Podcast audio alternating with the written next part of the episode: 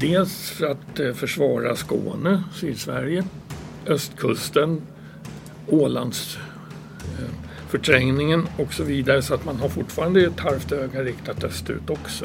När den 9 april kommer så på pappret så har ju Sverige hyfsad beredskap i den betydelsen att ungefär 70 000 man är inkallade. Men siffrorna ljuger lite därför vi talar om kanske 20 bataljoner, lite artilleri och så i fältarmén, i fältförbanden. När Norge och Danmark är ockuperat så är Sverige inringat. Molotov-Ribbentrop-pakten gäller ju fortfarande så Sverige kan ju inte göra någonting egentligen. Ta ett snabbt beslut, skicka fram lastbilar som hämtar de här danskarna i Helsingör, kör dem till Ljungbyhed, krigsflygskolan, som ju är ett, ett av de viktigaste militära flygfälten också i Skåne, där det inte finns någon bastrupp. Så danskarna får agera bastrupp till Sverige har hunnit mobilisera lite. Om det kommer ett anfall mot Sverige så kommer det ske kuppartat, det vill säga det kommer fallskärmsförband jättefort. Det kommer vara landstigningar som sker i hamnar. Diversionsförband eh, utan förvarning. Det kommer också ske eh, i kombination med bombanfall mot eh, Stockholm och andra, andra tätorter. Så att det finns flera av de här sakerna som kommer från liksom det här eh, kuppartade anfallet. En annan sak är just det här, när ska man fatta beslut? Och det är därför bland annat Sverige och många andra länder i eh, samarbete med USA då eh, bygger upp en sån här ledningsstruktur i början av kalla kriget för det så kallade Stay Behind-rörelsen. Välkommen till denna nya podcast från Militärhistoria på Försvarshögskolan. Idag samtalar Lars Eriksson Wolke och Fredrik Eriksson om den tyska invasionen av Danmark och Norge 9 april 1940. Vilka hotbilder fanns mot Norge, Danmark och Sverige vid den här tiden? Vilka allierade och tyska planer fanns riktade mot Skandinavien? Hur såg styrkeförhållandena ut? Och slutligen, vilka slutsatser drog man för Sveriges vidkommande under kriget och efter kriget? Det är några av de ämnen som mina gäster diskuterar. Jag heter Piotr Wawrzeniuk och är liksom Lars och Fredrik lärare och forskare vid militärhistoriska sektionen på Försvarshögskolan. Eh, det vi måste komma ihåg när, när det gäller eh, det som kommer att ske den 9 april det är ju att under den här perioden, hösten 1939 och de första vårmånaderna 1940 så finns det ju allmänna förhoppningar, särskilt eh, hos västmakterna, att, att kriget faktiskt ska ta slut. Eh, samtidigt så pågår ju vinterkriget Eh, i, eh, i Finland och det tar ju slut i mars med marsfreden. Och det som också finns där är ju, är ju Eh, Molotov-Ribbentrop-pakten eller alliansen mellan, mellan Nazityskland och Sovjetunionen som också finns där och påverkar hur läget ser ut. Så för västmakterna så finns ju den här, här förete- eller föreställningen kan man säga att, att eh, Nazityskland och Sovjetunionen hör samman som ett block. Va? Eh, vilket gör det ganska svårt så att, eh, för, för dem att agera. Så det finns allmänna förhoppningar om att kriget faktiskt ska ta slut. Eh, det är den här perioden som brukar kallas för sitskriget. Men tittar man på hur man tänkte omkring hotbilder i, i Danmark, Norge och Sverige. Så det man tänker sig i Danmark först och främst. Danmark ligger ju där det ligger. Inloppen till Östersjön som är helt centrala för de alla aktörer egentligen. Eh, men det man tänker sig är primärt ett, ett ett tyskt preventivanfall. Det är det som är det troligaste alternativet. Men i Danmark så finns det också eh, med en, en försvarsnegativism från eh, 1860-talets erfarenheter inte minst att, att alldeles oavsett vad man gör, är man ett litet land som ligger i närheten av en, av en stormakt så kommer stormakten att agera som man, som man vill. Så att eh, det finns en, en, en ganska, ganska stark känsla i Danmark att det spelar liksom ingen roll om man gör motstånd eller ej. Man kommer att liksom dras in i krig eller saker kommer att hända ändå. Men man, man fäster ganska mycket tilltro till, till den eh, non-aggressionspakt man faktiskt har med Tyskland. Det sluts en, eh, en non-aggressionspakt i, i 31 maj 1939 mellan Danmark och Tyskland.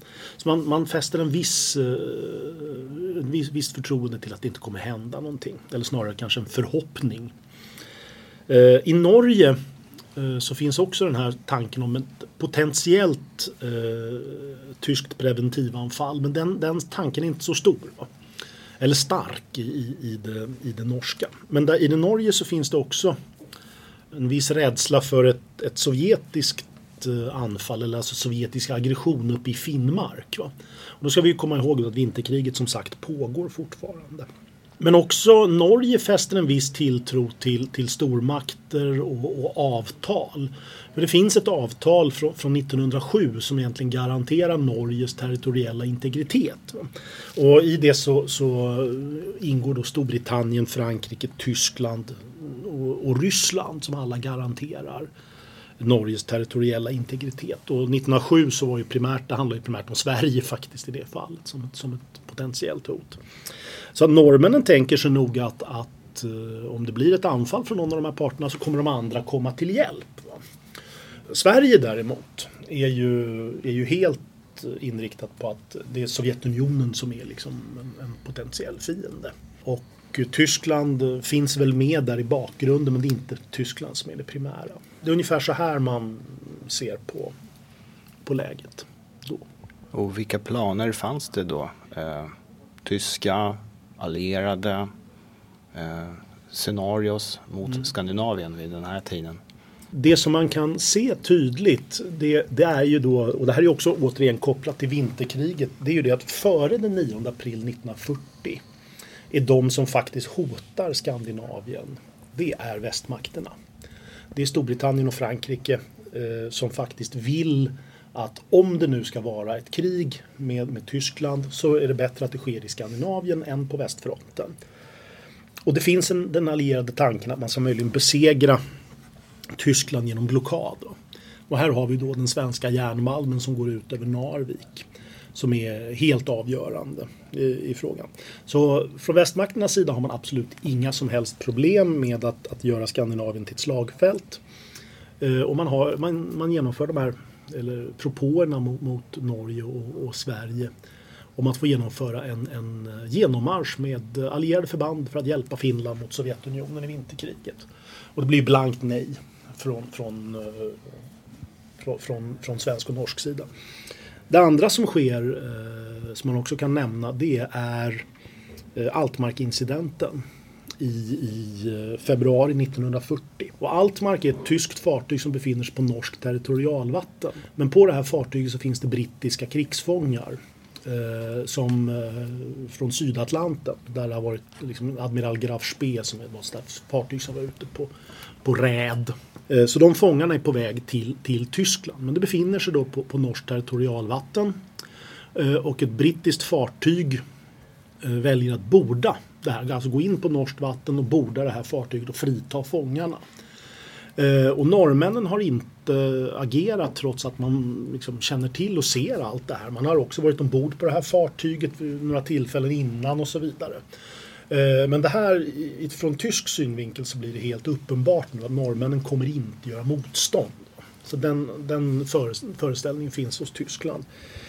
Eh, det andra som också planeras ungefär samtidigt från, från, från brittisk och fransk sida den kallas för Operation Wilfred och det är egentligen en, en minering av norskt territorialvatten. Uh, och det är för att då egentligen stoppa eller försvåra malmtransporterna till Tyskland.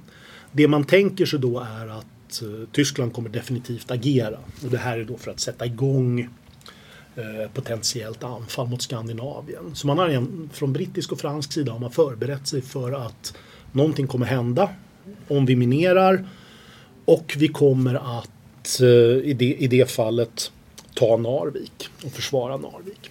Och det här är också, delar av Operation Wilfred genomförs också den åttonde i fjärde, alltså dagen innan eh, det tyska anfallet kommer verkligen igång med mineringarna. Och det här är ju de som är de riktigt stora planerna från, från de allierades sida. Från tysk sida så finns det också planer eh, egentligen under, under hösten 1939 där, eh, där den tyska marinchefen Erich Räder han, han, han, han lägger fram förslag på att ta Norge för att, för att ha flottbaser egentligen. Eh, det blir egentligen inte så mycket av det utan eh, de här planerna mot Norge och framförallt också Danmark då ska vi komma ihåg.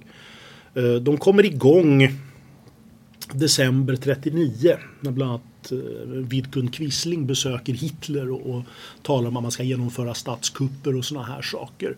Och Hitler är väl relativt positiv till, till Quisling och, och, hans planer men det blir ingenting av det här heller. Utan man kan säga att det är ett samspel mellan de allierade och Tyskland. Så att när de allierade försöker att skapa ett slagfält i Skandinavien så får du de här tyska motreaktioner egentligen. Eh, så att det finns eh, planer som, som blir allt mer vad ska man säga, realistiska från rysk eller tysk eh, synvinkel i mars 1940 någon gång. Och sannolikt handlar det här om att skydda järnmalmstransporterna från Sverige. Det, det, är, de som är, det är det som är det väsentliga. Och från allierad sida så har vi den här perspektivet om att förvandla Skandinavien till någon form av Belgien. Till Mm. Eh, eh, som ju sker eh, lite senare eh, i tiden. Men hur, hur hänger de här planerna samman, alltså tyska planer mot Danmark, Norge, mot Skandinavien eventuellt och den senare planerade invasionen av eh, Västeuropa? De hänger väl egentligen ihop eh, på, på, flera sätt. Eh, man tänker sig ju ifrån tysk synvinkel att det här kommer gå jättefort. Eh, det är därför man inte har särskilt stora enheter utan man tänker sig att det här är ett, ett, ett eh, kuppartat överfall där man, där man angriper. Och det är ju tänkt egentligen att Danmark och Norge ska kapitulera oerhört fort. Uh, ungefär det som händer i Danmark. Det är den bilden man har framför sig. Va? Det vill säga att danskarna kommer inte att, de gör inte motstånd. Förutom på någon, någon enskild plats egentligen. Utan eh, danskarna väljer att ge upp omgående. Och det är ungefär så man har tänkt att, att, att det kommer att ske. Men det, det, så det, planerna finns där och pågår hela tiden. Men, men det här handlar om att, och det ska man absolut aldrig glömma, att man, det handlar om att för tysk, från tysk sida säkra järnmalmstransporter från Sverige. Det är helt avgörande i det här sammanhanget. Då kommer vi till den klassiska frågan. Vad visste man? Vad visste man i Norge, Danmark och Sverige? Vad fanns det för sorts förvarning? Vilka slutsatser drogs av eh, underrättelseinformationen som strömmade in? Mm. Ja, det finns ju ganska många eh, indikationer eh, och förvarningar och sådana här eh, saker när det gäller liksom vad kommer, vad kommer hända. Och under i januari, februari så, där så pågår det en ryktespridning både vad det gäller tysk planering men också det här allierade planerna mot, mot, mot Skandinavien. Men de första riktigt ordentliga indikationerna de kommer egentligen i månadsskift mars-april eh, med truppsammandragningar eh, och också att eh, tyska trupper bordar fartyg i Stettin och Swinemünde eh, i Östersjön. Och de här fartygen de avseglar också eh, omkring den 2 eh, april. Och de som avseglar först är de som ska längst. Det vill säga förbanden till Narvik. Det är de som ska åka längst. Då. Och samtidigt under de här dagarna, första dagarna i, i april så kommer det omfattande rapporter om, om fartyg i Hamburgs hamn och divisioner som eh, finns i Schleswig, alltså på gränsen till Danmark. Eh, några av de, de mer eh, alltså, signifikanta eh, förvarningarna som kommer det är eh, den tredje fjärde så, eh, får, så kommer information som eh, från den, den, eh, från den tyska eh, stabschefen eller Erich Räders stabschef. Han heter Erich Schulte-Mönting. Och han berättar eh, för en attaché, bland annat den svenska, eh, svenska konsuln i Stettin och lite andra sådana här personer om att vi förbereder motdrag eh, i riktning Skandinavien. Då blir det underförstått.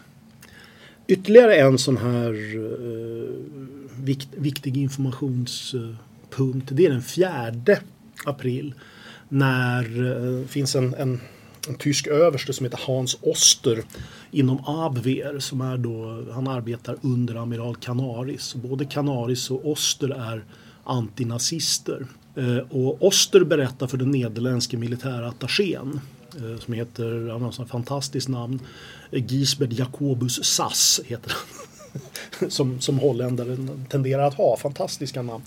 Men, men SAS får, får information från Oster att nästa vecka så, kommer, så är vi i Danmark. Och det, det är ett ganska tydligt, eh, en tydlig indikation. Och SAS sprider den här indikationen till till alla och envar nästan. Han berättar för, för Danmark, Norge men även också för, för Sverige. Eh, det man måste komma ihåg är ju det att, att det finns ju då som sagt eh, mängder med små indikationer under den här, de här dagarna i, i första dagarna i april med poliser som får språkkurser i norska och danska och det finns eh, så här, alptrupperna har, har fått ut sjösjukepiller och det är alltså sån här ryktesspridning egentligen. Och då är frågan vad man drar för slutsatser om det. Det man vet och säkert det är just det här med, med eh, fartygsrörelser. När fartyg är ute och rör sig på, på, på olika platser. Men det som också Eh, är en mycket tydlig indikation. Det, det är eh, omkring den, den femte, sjätte. Eh, när från svensk synvinkel så kommer det in bland annat meddelande från, från Arvid Richert som är svensk minister i Berlin. Om, han varnar Stockholm den sjätte. Men då har redan underrättelsetjänsten i, i, i Stockholm ganska god bild av, av läget. Eh, och, och, chefen där har redan varnat, den femte så varnas Norge, Norge och Danmark om, om eh, att det kommer sannolikt ske ett angrepp. Det, det, är helt klart. Den åttonde i fjärde så kommer en väldigt tydlig indikation till på att någonting händer. Och det, det är sänkningen av, av ett tyskt fartyg som heter Rio de Janeiro eh, av den polska ubåten eh, Orseo den, på, liksom den polska örnen.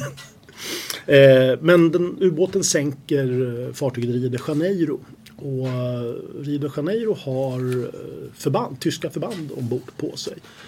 Eh, och norska sjöräddningen räddar ett antal av de här. Eh, och får då reda på att de är på väg till Bergen. Det här fartyget. Så att från, i Norge så har man alltså räddat tysk militär i uniformer som berättar att vi är på väg till Bergen. Eh, och det är onekligen en ganska tydlig indikation på att någonting är på väg att hända. Så att tittar man i Danmark så, så kommer in mängder med information då egentligen. För Danmark har bland annat en marinattaché i Berlin som blir varnad av den holländske eh, militärattachén eh, SAS. Den varningen. Den femte så får man ju varningen från Adlerkreutz som den svenske eh, chefen för underrättelsetjänsten heter. Carlos Adlerkreutz, ännu ett fantastiskt namn. Eh, men han, eh, han varnar dem och han varnar ju som sagt Danmark och Norge den femte.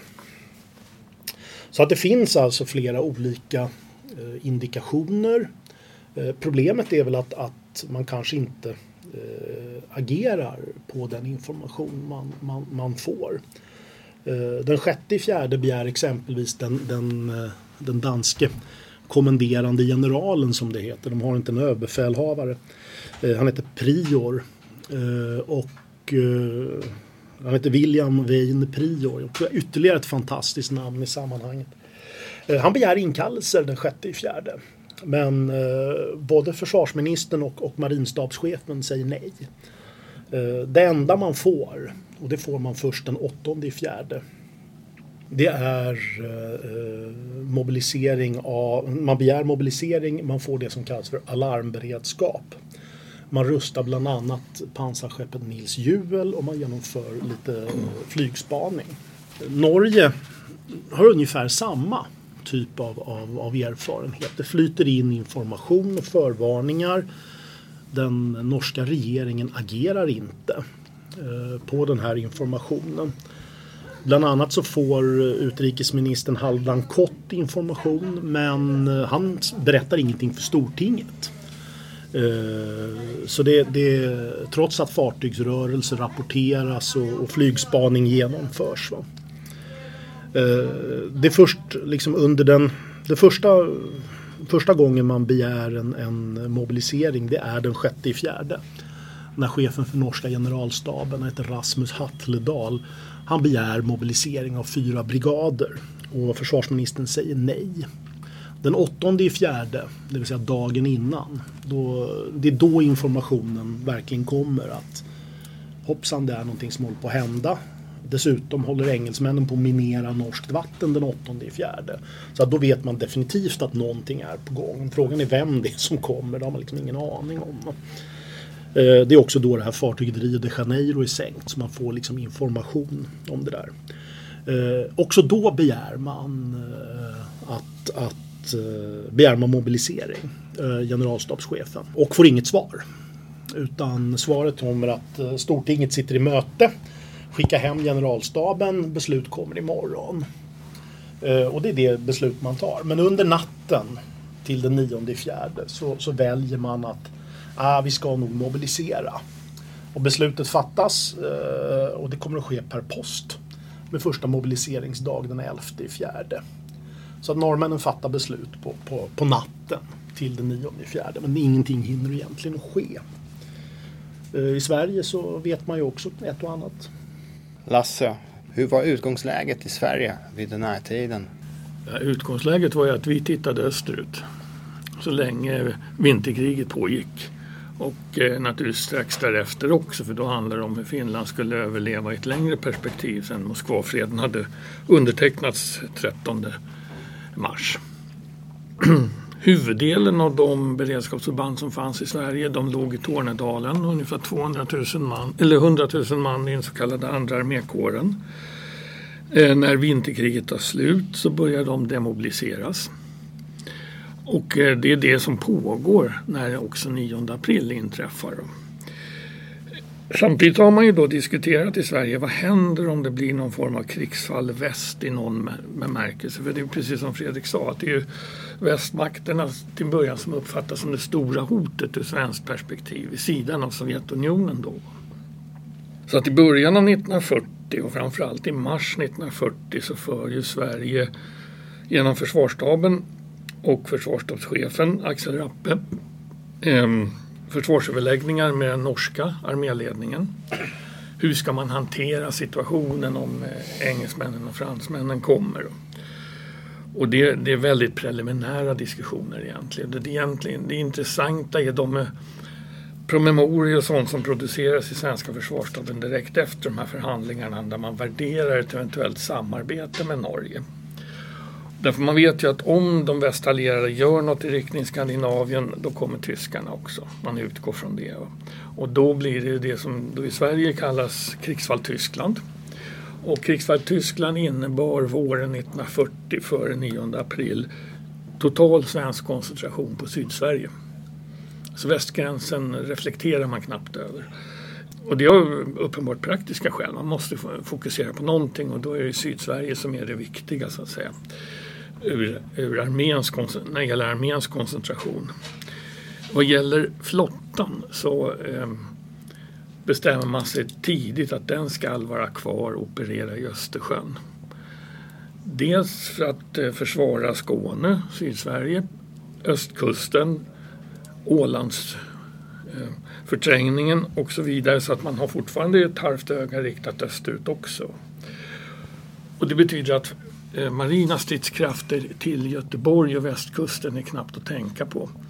Och dessutom drar man slutsatsen att när kriget väl har brutit ut, oavsett hur det i detalj ser ut, så kommer inga sjöstridskrafter, svenska sådana, eh, genom Öresund i någon riktningen. Så de som ska vara på västkusten, de ska vara på plats innan. Och sen kommer de aldrig komma tillbaka. Eh, i överskådligt perspektiv till Östersjön. Det vill säga knappt några sjöstridskrafter ur kustflottan i, eh, i väster utan det är lokalförsvarsförband i så fall. Och det, så det är en väldigt tydlig prioritering och det är inte så konstigt. Man räknar ju med att ja, ett krigsfall Tyskland involverar ju danskt territorium på något sätt. Men att Norge skulle dras in, det fanns liksom inte på kartan. Det är de diskussioner man har egentligen med norrmännen och det är inga avtal som träffar och sånt utan man, man sonderar under mars månad. Då. Och sen kommer då det här som händer 9 april. Och det är precis som Fredrik säger att eh, det är ett antal olika signaler som kommer. Va? och lätt att se ett mönster i efterhand men naturligtvis lite svårare medan det begav sig. Va? Som alltid. Eh, vi har ju också en svensk marinattaché, Anders Forsell, som sitter i Berlin som skriver en fantastisk dagbok. Och han rapporterar ju också, men han skriver väldigt mycket om sina tankar i dagboken. Han skriver då den 4, 4 april att han har pratat med någon som han kallar för vännen inom citationstecken. Eh, och det är sånt där som underrättelseforskarna då naturligtvis ytterst gärna skulle vilja veta vem den är vännen är. Va? Eh, det kan vara den här holländska attachén, det kan vara någon annan som han, från Apver till exempel. Men den här vännen hade i alla fall pratat om, som Anders Forssell säger, tyska planer att nästa vecka besätta Danmark och sen skriver han Norge inom parentes men ingenting specifikt om Sverige. Mm. Vilket ju kan vara vilseledning också. Det vet man ju naturligtvis inte. Och, och sen eh, ÖB begär i samma veva 4-5 april hos regeringen att man ska mobilisera staberna på fördelningsnivå alltså motsvarande svenska divisionen alltså. Dels i Kristianstad, dels i Skövde, dels i Stockholm. Och det är ju för att de sen ska kunna dra igång själva mobiliseringsarbetet när den signalen kommer. Mm. Han får till en början nej från regeringen. Några dagar senare så börjar man mobilisera bland annat staven i Kristianstad. Och det här ger ju en aning, alltså när man talar om mobilisering Kristianstad, Skövde, Stockholm då förstår vi att man har egentligen ingen aning om vilken riktning det kommer att smälla eventuellt. Då. Så man måste liksom ha beredskap i precis alla riktningar då. Och, och, börja höja beredskapsnivån. Och sen kommer då eh, det här klassiska telegrammet på, från norska marinstaben till den svenska marinstaben på kvällen, eller egentligen telefonmeddelande. De ringer från Oslo på natten, eh, det hade hunnit bli den 9 april och så säger man bara bolarna är i kamp. Mm. Det vill säga norska kustartilleribatterier i Oslofjorden. Man vet ännu inte vad de skjuter på. Alltså man vet inte nationaliteten på dem. Det är bara någon som ger katten i att stanna när de får order då, om det. Och sen kommer ju då det här med sänkningen av Blücher och så längre fram. Men är, då vet man att det är igång och att det är händer någonting i väster eller sydväst kanske ut Stockholms. Så att, eh, men omfattningen vet man ju inte ett skvatt om egentligen. En sak som man kan säga också som är jätteintressant i, i, i det där sammanhanget det är precis som Lasse säger att man vet ju faktiskt inte vem det är som kommer. Man, man, har ingen aning om vem det är som kommer. Eh, och det är ju just den här osäkerheten när det gäller vad, vad har de allierade för planer då? Därför att natten, och, eller under den 8 i fjärde så mineras ju de norska vattnen eh, av engelsmännen. Av Royal Navy då som uppenbarligen kränker norskt territorialvatten. Så att norrmännen har ingen aning, svenskarna har ingen aning. Men det man kan säga om, om, om Norge och om de norska slutsatserna av, av all den här förvarningen. Det är ju att eh, för, föreställningen är att nej, men tyskarna är nog inte på väg mot Norge. Och i vilket fall, om de är på väg mot Norge så kommer Royal Navy sänka allting. Va? Och det finns tankar i Norge att nej, men det här är kanske möjligen ett angrepp riktat mot Island. Va? Att de är på väg mot Island eller någonting sånt. Va? Så att det, från norsk sida är man inte alls säker på, på, att, eh, på, på vad det här handlar om. Islandsfrågan finns, ju, finns ju med där. Danskarna drar ju slutsatsen att ja, men det spelar ju ingen roll om, om nu Tyskland får för sig att angripa oss så, så kan vi ändå inte göra motstånd. Vi är besegrade från början. Så att, så att danskarna är ju liksom, ja, de har, de har gett upp från början i stort sett. Och i Sverige så har man ju också relativt, relativt god information men det är svårt att dra slutsatser. Det som Lasse nämnde, Lasse nämnde ju den svenska marinattachén här i, i, i, eh, i Berlin, Anders Forshäll. Eh, men i Berlin så finns det ju egentligen tre eh, svenska militärattachéer. Det var Kurt Julin Danfelt som är arméattachén. Han är, ju, han är i Tyskland egentligen från 1933 till 1945. Eh, så han har mycket goda kontaktnät egentligen också. Han är ju han är också uttalad antinazist.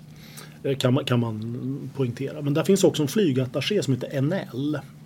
Så att Sverige har egentligen tre militärattachéer i Berlin.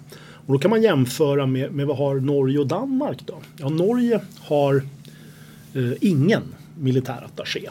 Du har alltså inga militära bedömare alls på plats i Berlin. Danskarna har en, en marinattaché som heter Kölsen som, finns, som finns där. Men that's it. Det finns inga andra militär, eh, militär. Så Sverige har egentligen en ganska god eh, militärbild i, i, från Berlin med underrättelsepersonal. Så det, det är en ganska intressant eh, skillnad i informationsinhämtningshänseende eh, till fördel Sverige egentligen. Och det är som sagt eh, lätt att vara efterklok. Sitta idag på ett konditori någonstans och kåsera om vad man kunde ha gjort och borde ha gjort. Så det kommer vi avhålla oss ifrån. Eh, innan vi går in på hur Sverige reagerade och hur man sen drog eh, mer långtida slutsatser utav eh, anfallet mot Danmark, Norge. Så är det också rimligt att vi diskuterar styrkeförhållandena i april 1940 och då framförallt med fokus på Tyskland och Norge. Jo, det är alltså, det man, kan, man kan också säga någonting om, om det som sker i Danmark. För att, eh, och Danmark är viktigt, eh, alltså det man säger Weser Ybung Syd som den kallas. Den här. För det är ju det här som även eh, tyskarna tänker sig ska ske med, eh, med Norge. Eh, att den norska liksom, regeringen ska kapitulera ganska snabbt. Va? Eh, och det som finns och, och förekommer här det, det är ju att det tyskarna genomför är ju kupp. Mer eller mindre. Så att eh, man, det man gör först 04.00 på morgonen det är att eh, den, ty, den tyska ambass, ambassadören säger eh, att vi kommer bomba. Eh, vi kommer bomba Köpenhamn. Ungefär samtidigt, men då har, då har faktiskt saker och ting redan börjat. Att tyskarna har redan landstigit på, på Lolland. Eh, Man tar broarna mellan, mellan Själland och Falster. 04.20 på morgonen så landstiger man inne i Köpenhamn från ett fartyg med militära förband. Samtidigt som bombflyg cirklar i luften. Och det är då danskarna i stort sett bara ger upp. va. Det förekommer strider på Jylland i, i, utanför Hadersled. Men, men det är i stort sett det enda som sker. I Norge så, så är, är läget lite annorlunda. De tyska, de tyska förbanden finns egentligen i fem stycken olika fartygsgrupper. Va? Riktade mot olika liksom, platser. Med, från första fartygsgruppen Narvik ner till den femte fartygsgruppen mot Oslo. Och man tänker sig egentligen att genomföra samma sak som mot Danmark. Va? De ska segla in i hamnen, landstiga, ställa norrmännen, in, eller norrmännen inför fait accompli. Va? Nu är det färdigt. Eh, välj att göra motstånd om ni, om, om ni törs. Tittar man på det som tyskarna skickar mot Norge så det, det är totalt egentligen eh, ganska få, sex divisioner eh, totalt.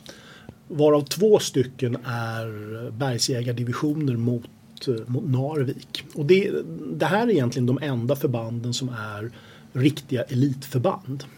Alltså välutbildade, välutrustade och, och, och riktigt duktiga. Resten av, av de tyska förbanden är eh, vanliga infanteridivisioner varav de flesta är mobiliserade eh, någon gång under hösten 1939. Några i augusti och några i december 1939. Och då ska vi komma ihåg att en stor del av de tyska förbanden inte är utbildade. Alltså de värnpliktiga har fått utbildning under hösten och våren 1939 och 40. De vita årgångarna. Ja, det är de vita årgångarna. Det är precis det här. För det här är andra vågens divisioner va? Som, som skickas mot Norge. Eh, sen finns det också fallskärmsjägare. Eh, och det är också elit, riktiga elitförband. Va? Det som också kan tilläggas det är ju att eh, den tyska flottan är ju, svag generellt. Så i de inledande striderna i, i, eh, i Norge så förloras ju en stor del av, av den tyska flottan. Eh, främst i strider mot Royal Navy, det, det, det, det är viktigt att poängtera. Det kan man i och för sig återkomma till med, med, med, för att striderna sker lite på olika ställen i Norge. En sak som är avgörande, som, som Lasse nämnde också, det är ju sänkningen av Blücher i Oslofjorden. Och det är ju det att tyskarna forcerar ju Oslofjorden och ska segla igenom och Bolarna är ju det första fortet längst ut. Va? Det förekommer också eh, skottväxling vid ett annat fort som heter Odderöja, om jag inte missminner mig. Men när Blücher och de andra seglar igenom Oslofjorden och upp mot Oslo så passerar man ju förträngningar som är befästa, bland annat Oscarsborg. Där Blücher sänks. Och det här fördröjer ockupationen av Oslo med ungefär 12 timmar. Vilket innebär att den norska regeringen eh, hinner att eh, fly, lämna Oslo tillsammans med kungen. I samband med det här så försöker också Quisling göra en, en, en statskupp något som tyskarna inte känner till och, eh, och som nog gör, gör att förhållandet mellan tyskarna och Quisling är lite, lite problematiskt under en period. Men det här eh, spelar någonstans också in i sammanhanget med osäkerhet och liknande. Så att eh, just sänkningen av Blücher spelar nog en helt avgörande roll för att Norge faktiskt kommer att kunna göra motstånd. Norrmännen har egentligen inte så mycket mobiliserat. Man har eh, förband men de finns i Finnmark de flesta av dem, likt läget i Sverige. Det finns väl totalt en tre, fyra bataljoner organiserade i, i södra Norge men, men egentligen inte så mycket. Eh, problemet är som sagt att man vet ju inte vad det är som är på gång. Det, så man vet ju liksom inte vilken fiende man potentiellt Eh, ska möta. Så det, det, är ungefär så det, det, man kan se på, på, på läget. Men det man kan komma ihåg är ju som sagt att eh, det är inte så att de här tyska förbanden är eh, alla av dem är oerhört överlägsna. Inte heller numerärt. Hade, hade Norge genomfört en fullständig mobilisering så hade läget varit helt annorlunda. Det vi också måste komma ihåg det är ju, det är ju egentligen den, den norska terrängen. Den norska terrängen är ju inte lätt att hantera för en angripare egentligen. Få vägar som går lätt att stoppa. Eh, inga järnvägsförbindelser att tala om. Eh, svårt att hantera. Berg, det är fortfarande snö. Det är ju april. Kalla vintrar. Alla möjliga problem. Så att tyskarna har oerhört svårt egentligen att manövrera i Norge. Alltså potentiellt kan det ta väldigt lång tid att ta sig någonstans. Men eh, det blir inte så. Eftersom norrmännen inte hinner, kan eller vill mobilisera. Det, så kan man säga. Det förekommer ju ändå strider. Var, var förekommer de intensivaste striderna? De, de, mest intensiva striderna förekommer i Narvik. Uh, och Narvik är, det är också så att där har, finns det norska förband uppåt uh, Finnmark som kan liksom dra sig mot, mot Narvik. Eh, men det är också där som, som de västallierade landstiger med eh, brittiska, franska och polska förband. Eh, och stöd och, och egentligen driver tyskarna ur Narvik. Så de befinner sig utanför Narvik och slåss. Det är också här en stor del av de tyska, Tyskland förlorar tio jagare som sänks eller går på grund i, eh, i Narviksfjorden. Så Royal Navy sänker i stort sett allt de kan här uppe. Det som också sker är ju strider uppåt mot eh, Trondheimstrakten och i liksom det inre av Norge. Men det är främst flygangrepp och det tar ganska lång tid för tyskarna att ta sig någonstans. Eh, men även i, i södra Norge så, så kommer brittiska förband att vara i strid och uppåt eh, i Gudbrandsdalen och andra sådana platser där man försöker fördröja tyskarna. Men, men generellt så, så eh, är motståndet det varierar, det är bristfälligt på många platser. Men de hårdaste striderna förekommer i, i Narvik-trakten. Och det är också där som tyskarna går på, ordentligt på patrull. Och när ungefär är hela Norge besatt av uh, tyska trupper? Eh, det är egentligen, eh, det, det, sker egentligen i, i, det är ju strider som pågår under hela april månad. Och när vet du, eh, Västfälttåget kommer igång i, i maj så, så är ju läget inte alls färdigt i Norge heller för den delen. Men eh, händelserna hamnar liksom i bakvattnet av, av de stora striderna på västfronten. Eh, så att Norge är, är egentligen färdigt, eller striderna i Norge är väl egentligen slut i, någon gång i, i början på maj. Så det tar i stort sett en månad för, för tyskarna att lösa det här. Men det avgörande är som sagt att, att, att Blücher sänks. Det, det, är en av de absolut viktigaste sakerna. Under den här tiden, vad gör Sverige? Vilka åtgärder vidtas? Ja, för det första får man ju då, det som pågår är ju då demobiliseringen i Tornedalen. Det blir ju då 9 april tvärstopp för den. Och inte bara tvärstopp utan de förband och strukturer som finns kvar ska då föras västerut. Eh, lättare sagt än gjort. Man har ju egentligen då ingen krigsplanläggning, krigsfall väst. Då. Utan eh, mot Tyskland skulle det ju vara i södra Sverige och så.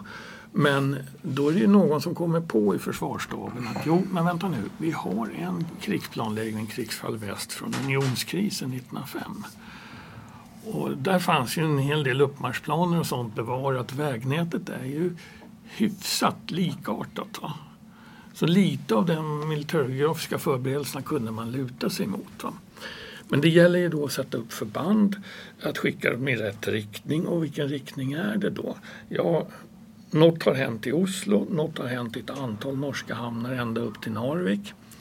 Eh, detta något har hänt eh, ännu tydligare i Danmark. Mm. Och ska, är då Tyskland intresserat av att gå vidare mot Sverige så kan de ju komma varifrån som helst. Då. Så att det börjar ju mobiliseras framförallt i Sydsverige. Men där kan man ju då säga som illustration av läget att vi har ju den här klassiska händelsen med det, det danska kompaniet i Helsingör som har hunnit mobilisera. Och som då, där kompanichefen inser när tyskarna håller på att ta över Helsingör tidigt morgontimmarna 9 april inser att han har naturligtvis inte en chans om han ska uppta strid. Å andra sidan vill han inte kapitulera och bestämmer sig då för att ta färjan över till Helsingborg. Och där står då ett par tullare och, och noterar att här kommer då ganska en beväpnad trupp, fullt stridsutrustat kompani. Eh, Sverige har ju inte hunnit mobilisera. Och man kan ju ändå göra reflektioner. Massa helsingborgare, journalister från Helsingborgs Dagblad och så samlas i hamnen och tittar på de här danskarna och pratar med dem. Och så. Man kan göra reflektionen, tänk om de var tyskar. Eh, och vad gör man då i Kristianstad? Militärområdesbefälhavaren, ja han skickar fram lastbilar, tar ett snabbt beslut, skickar fram lastbilar som hämtar de här danskarna i Helsingör, kör dem till Ljungbyhed, krigsflygskolan som ju är ett, eh, ett av de viktigaste militära flygfälten också i Skåne där det inte finns någon bastrupp. Så danskarna får agera bastrupp till Sverige har hunnit mobilisera lite, nästan under två dygn. Självklart mot alla neutralitetsregler men så länge man inte berättar för, för Stockholm och det här är ändå en praktisk lösning. Det här säger allt egentligen om man får lappa laga efter förmåga. Va? Flyg börjar skickas ner, eh, de som man framför allt använder sig av är då jaktplan F1, F3 eh, från Stockholmstrakten och från Östergötland.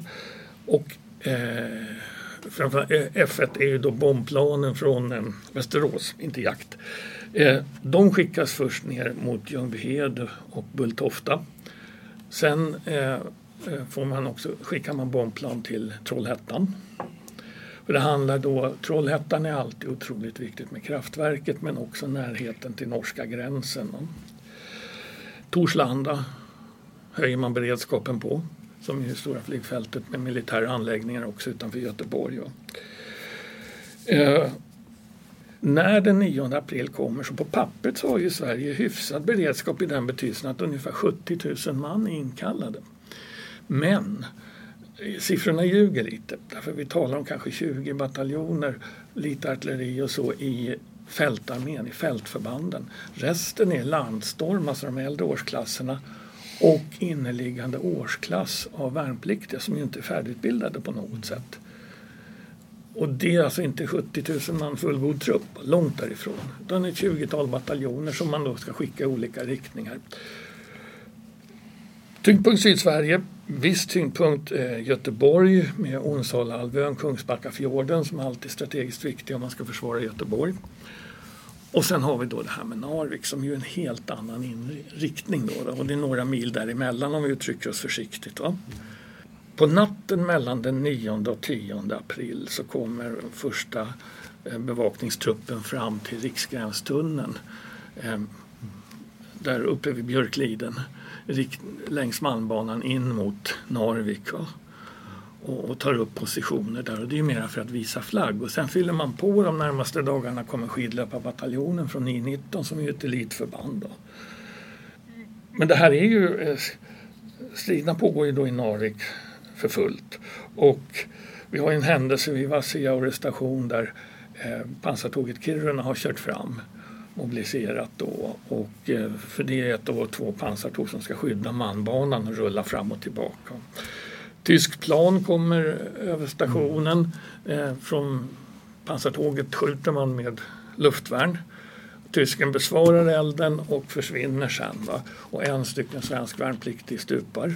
Vilket då är den första sven vetligen svenska värnpliktig som stupar i strid under, under kriget så att säga. I, i svensk uniform i, i ett svenskt förband. Så att säga. Man brukar säga att efter två veckor ungefär så har vi en ganska god beredskap i södra Sverige givet de resurser vi har. Västkusten, ja det är förband, det är I15 i Borås och I17 i Uddevalla som är de som har huvudansvaret för försvaret. Svaga punkten är Värmland. När det kommer över stora norska förband över gränsen, rör sig fram och tillbaka över gränsen, många interneras i Sverige, då är vi alltså framme vid 13, 14, 15 april då finns det egentligen ingen, ännu ingen större svensk trupp att ta emot dem och ta hand om dem. Utan det är civila tulltjänstemän och andra som får sköta det formella så att säga. Återigen reflektionen om tyskarna hade kommit och följt efter så att säga. Sen höjer man beredskapen, lyckas man höja beredskapen också de följande veckorna även i Värmland som ju blir tyngdpunkten på västgränsförsvaret illustrativt för hur man agerar sen när vi kommer fram till maj månad. Det är två exempel, två förband egentligen. Man har mobiliserade, mobiliserade fältförbanden ur Sörmlands regemente I10 lägger man som eh, ÖBs strategiska reserv. Den är ju då inte jättestor men att man har nått rörligt eh, i riktning gränsområdena Närke Sörmland men för att kunna stöta då mot eh, Värmland om det skulle behövas. Men också att eh, skydda Örebro och så vidare. Eh, det är det ena. Det andra, och det är mer illustrativt, egentligen så kallade första kavalleribataljonen som ingick i kavalleribrigaden. Och den bestod av kavalleri, av cykelburen trupp och pansarbilar och var ett, eh, inte ett kraftfullt men ett rörligt förhållandevis rörligt anfallsförband. Och den ska då först mobilisera i riktning Skövde när det, allting exploderar 9 april. Sen omriktar man så att man via Ljungby ska mobilisera ner mot Kristianstad för då tycker man faran är som störst där. Och går vi ytterligare ett par veckor framåt, ja då ska den ha uppgifter i riktning Ludvika-trakten och ännu längre Mora och de delarna av västgränsen beroende på hur man flyttar de här nyckelförbanden så kan man se liksom hur man har upplevt var är faran som störst. Den är aldrig liten någonstans, men var är den som störst? En sista sak med anledning om svenska åtgärder. En som inte är så uppmärksammad men som är värd att reflektera över att i slutet på maj, då har vi kommit en bit fram i tiden, så träffas ÖB Törnell och den tyske befälhavaren från Falkenhorst i Norge. De träffas i Falkenhorst järnvägsvagn som står på norskt territorium men i höjd med Storlien. Och vad de gör det är helt enkelt att prata ihop sig. Hur ska vi göra så att det inte blir krig mellan Sverige och eh, eh, Tyskland av misstag? Och inte så att man etablerar en het linje sinsemellan men ändå resonerar. Inga gränsincidenter får nu äga rum så att det eskalerar utom kontroll. Va? Eh, och det var ju naturligtvis ett möte som man då inte marknadsförde från någon deras sidan men nog så viktigt och där visade det att båda parter var då intresserade av helt olika skäl att det här inte skulle spåra ur. Detta alldeles, då pågår ju fortfarande faktiskt striderna i, i eh, Norge även om de västallierade håller på att skeppa ut. Om vi ska blicka längre fram i tiden. Vilka slutsatser drog man för Sveriges vidkommande av händelserna i april 1940? Nu pratar vi inte bara tiden under andra världskriget utan först och främst de mer långtgående slutsatserna mm. för den egna säkerheten under efterkrigstiden, kanske kalla krigets inledningsskede. Man drar eh, egentligen ganska många slutsatser för att det här kommer att finnas med i den svenska krigsplanläggningen under ganska lång tid. Eh, några saker som man kan säga om det här är bland annat det att när man planerar för krig under efterkrigstiden så har man eh, lite olika eh, lägen i, för sig. Ett av dem är ju det att Sverige kommer vara helt avspärrat. Ja. Eh, men inte indraget i ett krig. Och det man har, har framför sig då är egentligen den, den svenska mardrömmen som kommer med den 9 april 1940. När Norge och Danmark är ockuperat så är Sverige inringat. Molotov-Ribbentrop-pakten gäller ju fortfarande så Sverige kan ju inte göra någonting egentligen. Och det är kanske också så att, att det, det, är kanske det som är den tyska planen. Att eh, när Norge och Danmark är taget så är Sverige, Sverige måste gå med på Tysklands krav i vilket fall som helst. Eh, så det är en sån, sån slutsats man drar. Men tittar man på, på eh, hur, hur, hur Sverige diskuterar och tänker under eh, efterkrigstiden under kalla kriget finns det någonting som kallas för det kuppartade överfallet. Det har lite olika beteckningar under olika perioder. Kommer vi in under 1970 80-talet så kallas det för det strategiska överfallet. Va? Men det kuppartade överfallet som, som det står i, i eh, det som heter 1944 års ÖB-studie. Och det är egentligen en studie som görs eh, under ledning av överbefälhavaren Helge Ljung i försvarsstaben för att titta på vad kommer nu hända Eh, i andra världskrigets slutfaser. Va? Eh, och det, man gör ju flera olika sådana här. Det finns ju den här Operation Rädda Norge om tyskarna nu skulle fortsätta kriga i Norge så det är en offensiv operation. Man tänker sig där. Man har också Operation Rädda Danmark som ingår. Det finns flera sådana här saker man gör. Va? Men den här glider ju över i att bli det som är 1945 års eh, försvarsutredning som sen kommer bli 48 års försvarsbeslut. Va? Och i den här så finns det just den här eh, 9 april kopplingen med resonemanget att det kommer komma ett eh, anfall mot, om det kommer ett anfall mot Sverige så kommer det ske kuppartat, det vill säga det kommer fallskärmsförband jättefort. Det kommer vara landstigningar som sker i hamnar. Diversionsförband eh, utan förvarning. Det kommer också ske Eh, i kombination med bombanfall mot eh, Stockholm och andra, andra tätorter. Eh, så det kommer föra, och syftet med det här anfallet ser man är att tvinga Sverige till underkastelse så fort som möjligt. Alltså det danska exemplet och det som man ville göra mot norrmännen från tysk sida. Och i det här så förekommer just sådana här tankar om okay, hur tusan ska man klara av att hantera det här? Va? Och en del är ju det att eh, eh vi, kanske måste, vi kanske måste mobilisera i krig. Alltså slåss under mobilisering. Det vill säga slåss med vad tusan du nu har. Som stå, vad som finns. Va? Hemvärnet som, som ju skapas också i, maj 1900, eller i april 1940 eh, så börjar de här sakerna skapas. Och det är ju hem, hemortsskydd. Men under kalla kriget så blir ju det att hemvärnet ska skydda mobiliseringen. Och det är därför de måste snabbt gripbara förband med vapen hemma och krigsuppgifter färdigt och övat och allting sånt. Va? Längre fram så blir det ju också det att under andra världskriget så mobiliserar man genom att eh, människor åker in till regementena, till kasernerna och så får man sin utrustning och så marscherar man ut. Va? Det sker inte under kalla kriget utan då sker mobiliseringen ute i skogen med utlokaliserade eh, Eh, förband och, och, och eh, förråd och alla sådana här saker. Och det är just för att det ska vara svårt att stoppa en mobilisering. Så att det finns flera av de här sakerna som kommer från liksom det här eh, kuppartade anfallet. En annan sak är just det här, när ska man fatta beslut? Och det, det, det är en fråga som, som egentligen inte, inte går att, att, att, svara på. Men det man kan notera, Eh, om man återigen går tillbaka till 9 april 1940, så tittar man på den svenska underrättelsetjänsten så har man en väldigt god bild av vad som, vad som möjligen var på gång.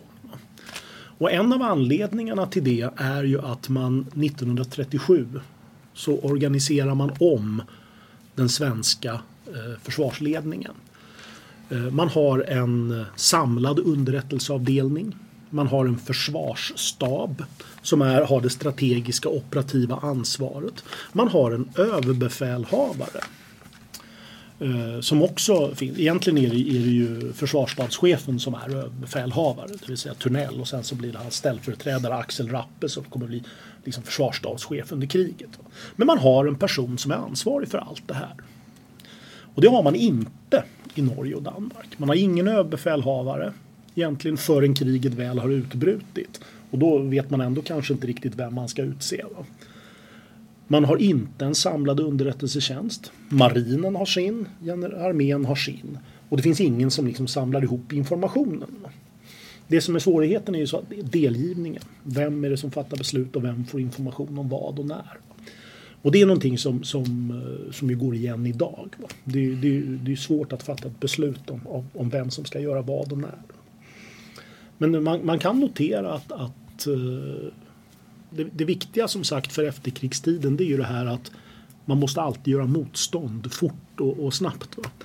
För att det är en väsentlig skillnad mellan Norge och Danmark under, under andra världskriget. Va? Eh, Danmark är ockuperat, ja på något vis, men eh, den danske kungen är fortfarande kvar. Den danska regeringen fortsätter att verka. Den danska polisen och militären finns kvar där och, och, och liknande. Va? Så att Danmark är ockuperat, ja, men Danmark har heller inte gjort motstånd. Va? Så det finns ingen exilregering, det finns ingen motståndsrörelse, det finns ingenting sånt. Va? Då kan man göra skillnad, ta skillnad mot Norge. Där det finns en exilregering, det finns en motståndsrörelse, man gör motstånd. Så att säga. Och det, det är en enorm skillnad mellan de två. Och det här blir också den svenska liksom, erfarenheten i det hela. Man kan ju då minnas just hur Blücher eller sänkningen av Blücher liksom fördröjer den tyska eh, invasionen av, av, eller ockupationen av, av, av, Oslo. Ett liknande exempel som, hade, som är jätteintressant som, det, det är ju det att hade Danmark valt att göra motstånd eh, under några timmar eller 24 timmar eller någonting sånt och förnekat tyskarna användningen av Ålborgs flygplats som är helt centralt då för allt flygunderstöd till Norge så hade det sett betydligt annorlunda, alltså klart annorlunda ut. Därför då hade tyskarna varit tvungna att slåss utan flygunderstöd i Norge och då hade det försvårat läget också. Så att det finns många olika sådana här eh, vad ska man säga, lager av, av, av erfarenheter från 9 april som man funderar omkring i Sverige. Lasse, dina reflektioner kring frågan svenska slutsatser och lärdomar av april 1940? Jag skulle säga fyra stycken. Ehm, bara två är mera inriktade på Sverige kanske. Den första egentligen, lärdom kan man diskutera, men att vi hade ju bara en handfull svenska frivilliga som åkte till Norge april 1940. Mm. De gjorde en del viktiga insatser, Norvik och eh, eh, i Kongsvinger. Ehm, men ändå inte att jämföra med det som gjordes för Finland under vinterkriget. Och det finns många skäl till detta. Ehm, inte minst praktiska men det är ändå värt att notera den stora skillnaden. Motståndsrörelsen nämndes och, eh, av, av Fredrik och eh, en erfarenhet i Norge och sen mot slutet av kriget i Danmark också att har man inte en motståndsrörelse strukturen på plats när kriget kommer då är det oerhört kostsamt och onekligen livsfarligt att bygga upp den under pågående ockupation. Och det är därför bland annat Sverige och många andra länder i eh, samarbete med USA då eh, bygger upp en sån här ledningsstruktur i början av kalla kriget för det så kallade Stay Behind-rörelsen som då också hade eh, verksamhet i, i Sverige. Va? Där det egentligen bara ledningsorganisationer men ändå vilka personer skulle vara ansvariga. Vem skulle kunna vara ansvarig som ÖB i exil om man, och den när någon ska åka iväg så fort Eh, ett skymningsläge och inte fastna hemma. Och, och, och exil då i första hand i Storbritannien. Då. Alltså sådana saker som det är direkta erfarenheter av framförallt Norge.